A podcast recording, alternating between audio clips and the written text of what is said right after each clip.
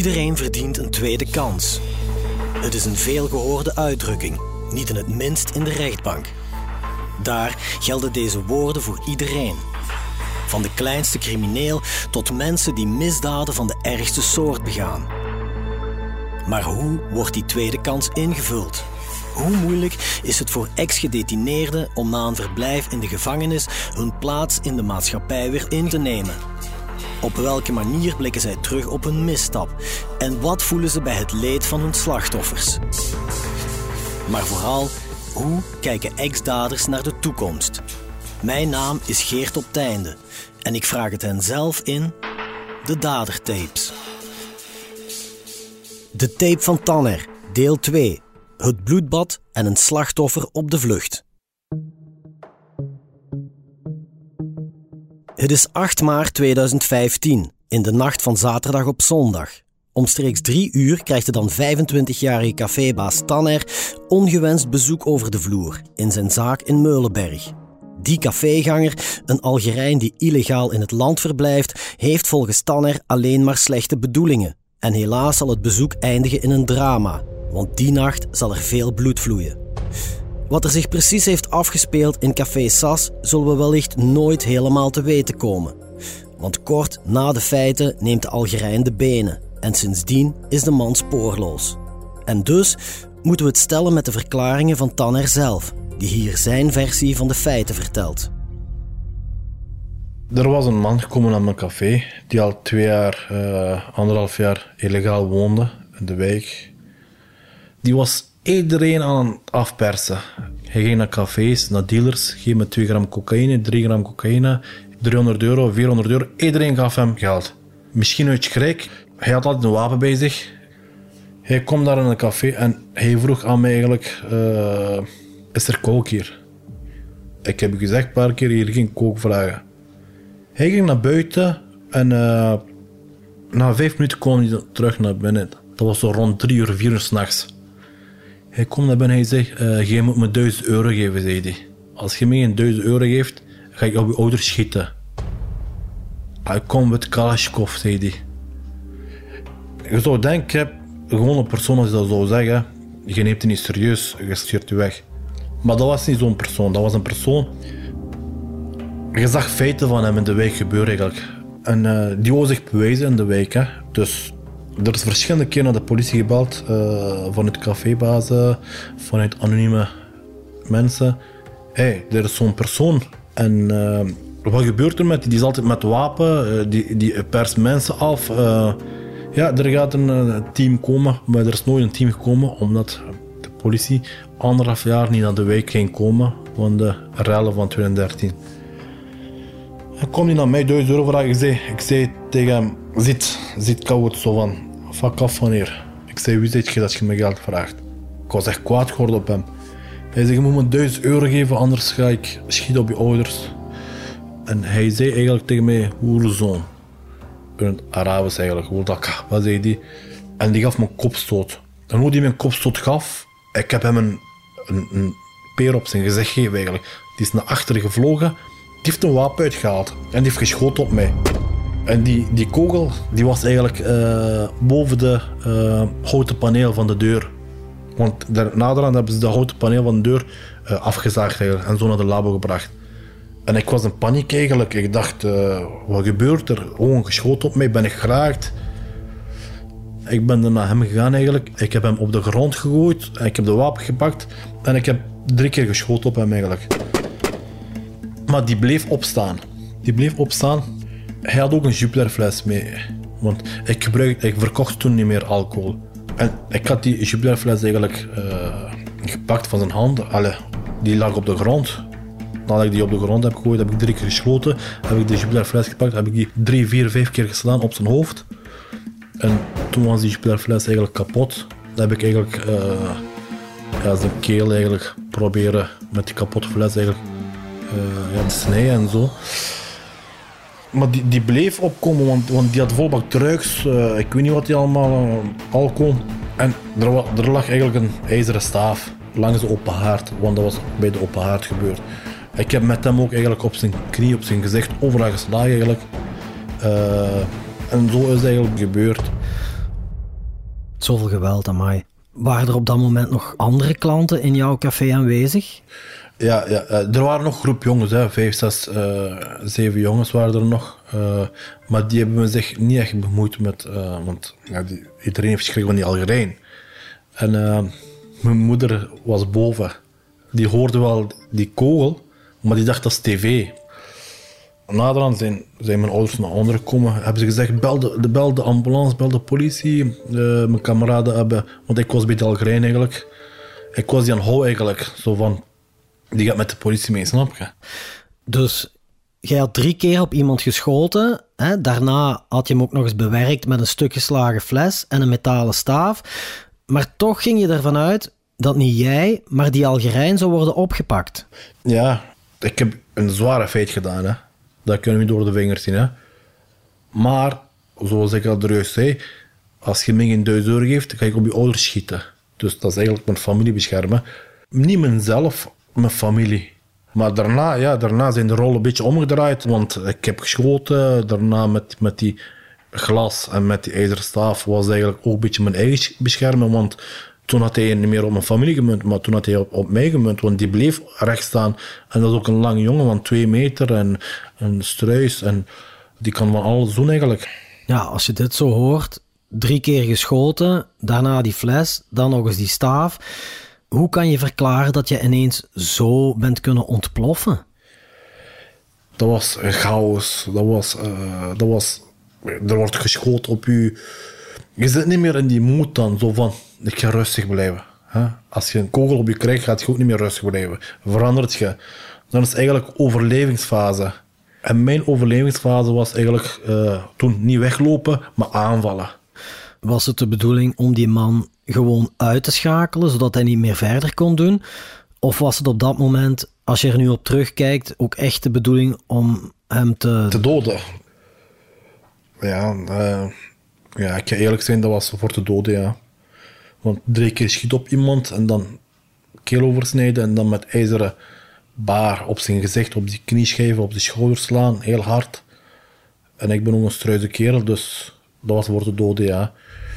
Maar gelukkig is dat niet gebeurd, want eh, dan ben ik een moordenaar, hè. Ook al is dat voor, voor te beschermen, het verandert het feit niet, hè. Dan ben ik een moordenaar eigenlijk, hè. Dus die feiten die hebben plaatsgevonden, de Algerijn ligt zwaar gewond op de vloer van uw café. Wat is er daarna gebeurd? Mijn kameraad heeft de politie gebeld. Er is politie gekomen met de mug. Die hebben die illegale op de grond gezien. Overal vol bloed. En eh, ze hebben die rechtstreeks meegenomen naar een ziekenhuis. En eh, de politie eh, s- spreekte met mij. Dan er was er gebeurd. heb, ik, heb ik een beetje uitgelegd. Hè. Zo is het gebeurd. zo, zo, zo. Ik was gewoon rustig met hun aan het zitten. Hè. En toen heeft de politie melding gekregen, een telefoontje van een collega, dat die Algerijn eigenlijk kogel geeft. Toen zeiden ze dan naar, sorry, eh, we moeten u handboeien, we moeten u meepakken. Waarom heb je niet meteen gezegd dat je geschoten had? Ik denk dat ik dat heb geze- gezegd heb, denk ik. Of, of ik weet niet, Eh, dat weet ik niet zeker eigenlijk. Misschien heb ik dat niet gezegd eigenlijk, dat weet ik niet juist. Eh, maar vanuit ons café is er ook een gebel aan de politie, hè, want er is geschoten geweest. De buren hebben ook gezegd, geschoten. Nu, het slachtoffer wordt naar het ziekenhuis gebracht, jij wordt opgepakt. Hoe is dat dan gegaan? Waren jouw ouders daarbij? Ja, mijn vader en mijn moeder waren ook in de café daarna, toen de politie aan- aanwezig was. Die hebben me meegepakt naar Genk, politiebureau. Eh, ik heb daar in de cel gezeten. En volgende dag, s morgens, eh, moest ik naar Hasselt gevangenis. Dat was de eerste keer gevangenis toen. Oké. Ik wil het nog even over die feiten hebben. Je zei daarnet, als ik aangevallen word, dan verander ik, dan kan ik niet meer rustig zijn. Heb jij vroeger ook al problemen gehad met agressiecontrole? Ja, probleem met agressiecontrole.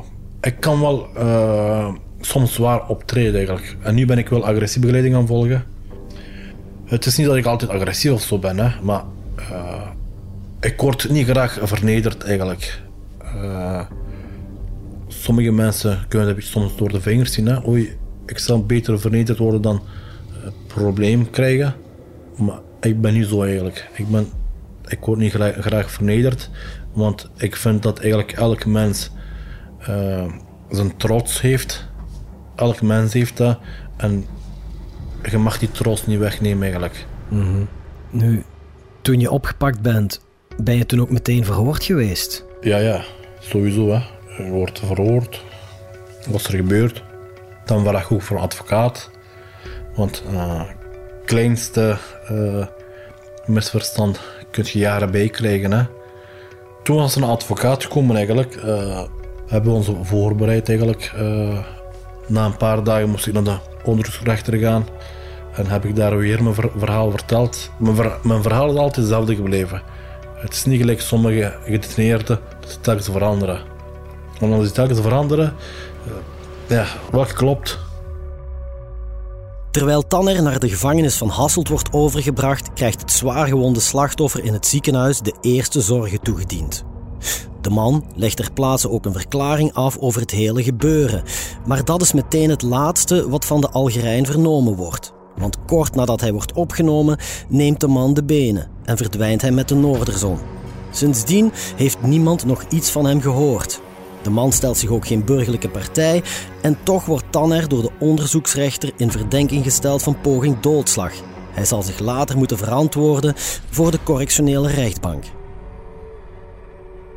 Tanner, hoe reageerden jouw ouders en jouw familie op het feit dat je in de cel zat, op verdenking van poging doodslag dan nog? Ik was vier maanden samen met de vrouw waarmee ik over twee maanden ga trouwen.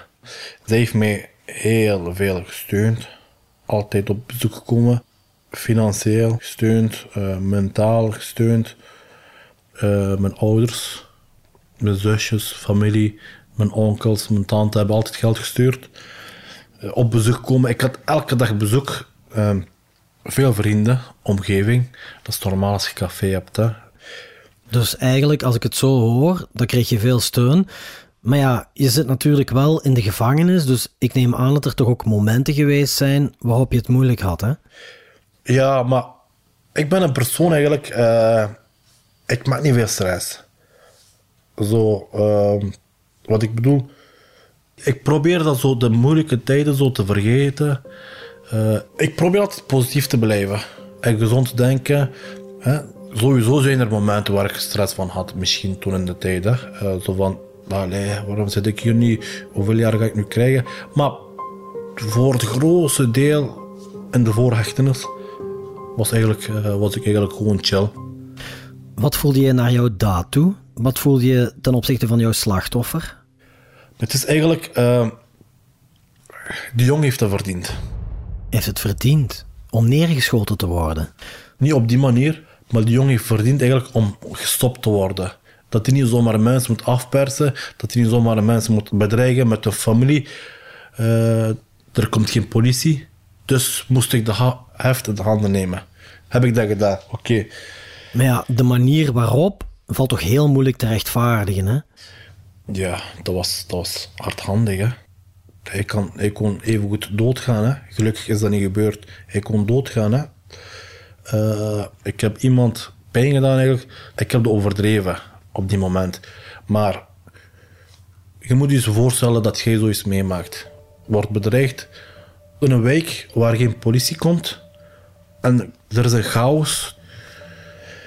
Eh, moest dat zo ver komen? Zeker moest dat niet zo ver komen. Sowieso niet. Maar op die moment, je bepaalt niet hoe ver dat het gaat komen. Hè?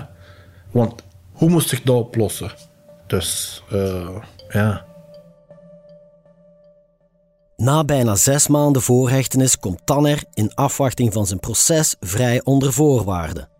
En eigenlijk maakt hij zich weinig zorgen over de toekomst, zo vertelt de voormalige cafébaas. In 2017 moet je voor de correctionele rechter verschijnen, hè?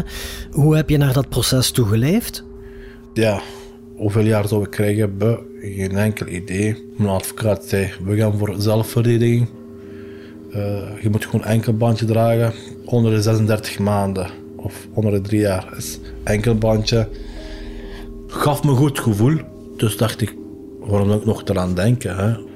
Uiteindelijk is de dag gekomen. Ik word uitgenodigd door de rechtbank, correctioneel rechtbank. En ben ik naar de rechtbank gegaan. heb ik het uitgelegd. En eh, mijn ouders, mijn, vriendin was daar ook.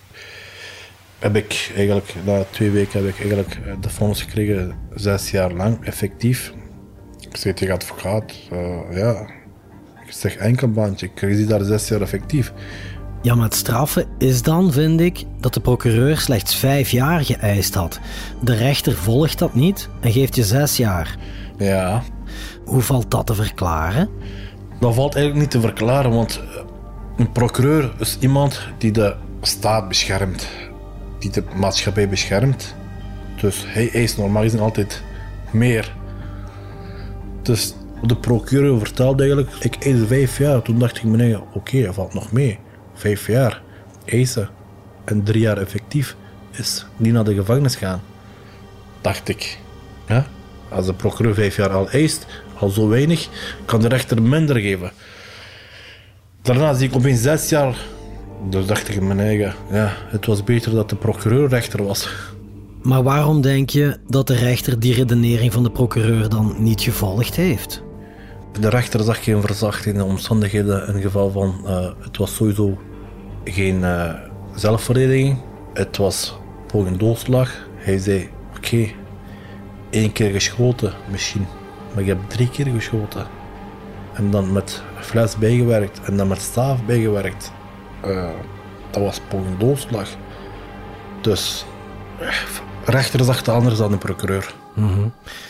Nu, je had gehoopt op drie jaar of minder, hè, waardoor je met een enkelband ervan af zou zijn. Hè. Maar je krijgt zes jaar.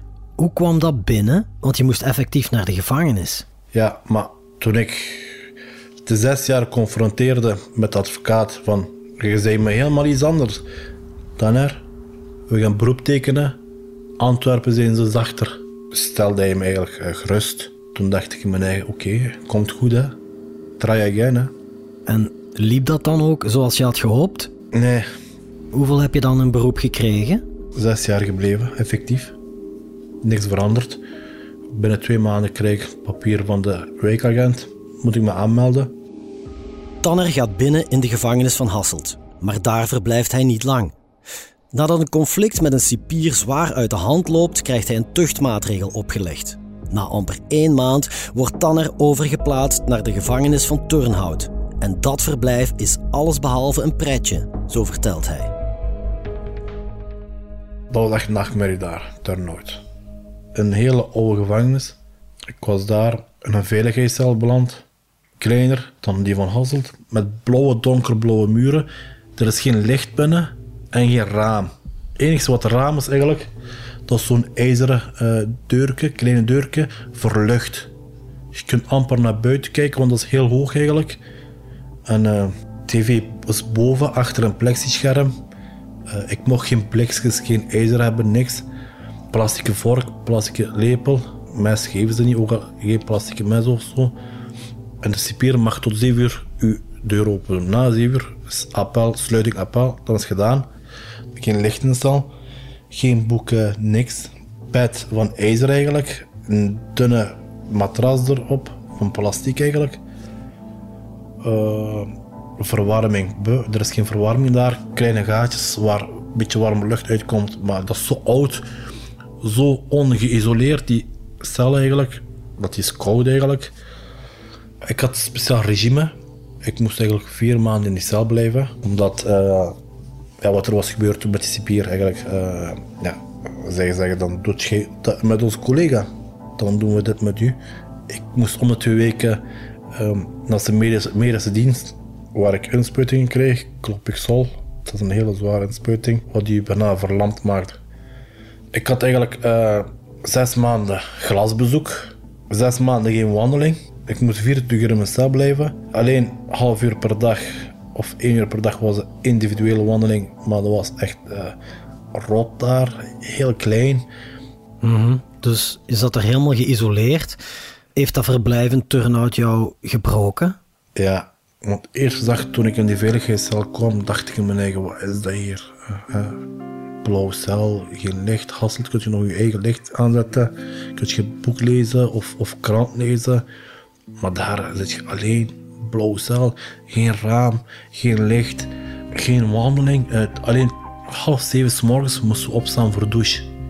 Tjuk, tjuk, tjuk. Je weet die sleutelgeluid van de, van de, van de celdeur. Douche. Is dat douche of vulkaan? Ik begrijp dat heel warm. Je kunt er amper onder staan. Heel warm, heet. Er waren problemen met de dingen. Met de ketel, verwarmingsketel. Ik was eigenlijk meer aan het douchen met de vocht eigenlijk van de, van de, met de damp van die douche. Dat was totaal heel anders als, als, als Hasselt eigenlijk. En ook met die inspuiting eigenlijk. eh, ik kreeg eigenlijk eh, angst om met mensen te praten. De sociaal ik, sociaal tanner, die gekend wordt door iedereen die heel sociaal is, grote vriendenkring. Ze heeft angst om met mensen te praten. Ik ben naar de directeur gegaan. Ik zei, meneer, geef me alsjeblieft een andere cel. Hij zei, ja, maar dat is door de psychiaters eh, dat blauwe kleur rust geeft. Ik zei, meneer, die kleur die geeft me echt geen rust. Ik zei, dat is benauwend. Ik heb geen licht in mijn cel. enigste licht komt van de tv. En zo maandenlang, hè. Hoe lang heb je uiteindelijk in turnout gezeten? Twee jaar. Waarvan dus zes maanden in die veiligheidscel. Ja. Waren er in turnout, ondanks alles, soms ook wel lichtpuntjes? Dingen waaraan je je kon optrekken? Eh, toen ik glasbezoek kreeg, en ik heb mijn moeder dan ondertussen vier maanden nog niet omhelst eigenlijk. En ik zag op Turks serie eigenlijk dat de moeder zijn zoon omhelst. En ik werd daar een beetje emotioneel geworden eigenlijk. Ik had gehoopt, ik zei, eh, God, ik hoop dat ik mijn moeder ook kan omhelzen. De volgende dag had ik bezoek van mijn moeder eigenlijk. Maar ik had nog altijd glasbezoek. Dus die cipier haalt me uit. Hij stuurt me naar een wachtkamer eigenlijk. Nog nooit gezien. Ik zeg, eh, waar is dat hier? Ik heb verschillende keer bezoek gehad ik ben hier nooit gekomen. Ik kom andere zaal waar mensen zijn allemaal. Ik zie daar mijn moeder. Mijn moeder eh, heel blij. Die, die ziet me, we omhelzen elkaar. Ik zeg, ma, normaal heb ik glasbezoek. Ik weet dat, jongen, zegt die, zwijg, die, snap je? Daarna, ja, na vijf minuten komt cipier. Die zegt, ja, daar, eh er is een misverstand. Ik heb normaal een glasbezoek. Eh, als je rustig houdt, mag je blijven. Ik zei, ja zeker zal ik rustig blijven. Daarna, we hebben gepraat, we waren heel blij. Dat was ja, nu vijf maanden voorbij. Ik heb mijn moeder eerste keer omhelst. Toen dacht ik in mijn eigen, god, je hebt zo snel geantwoord eigenlijk. Dankjewel.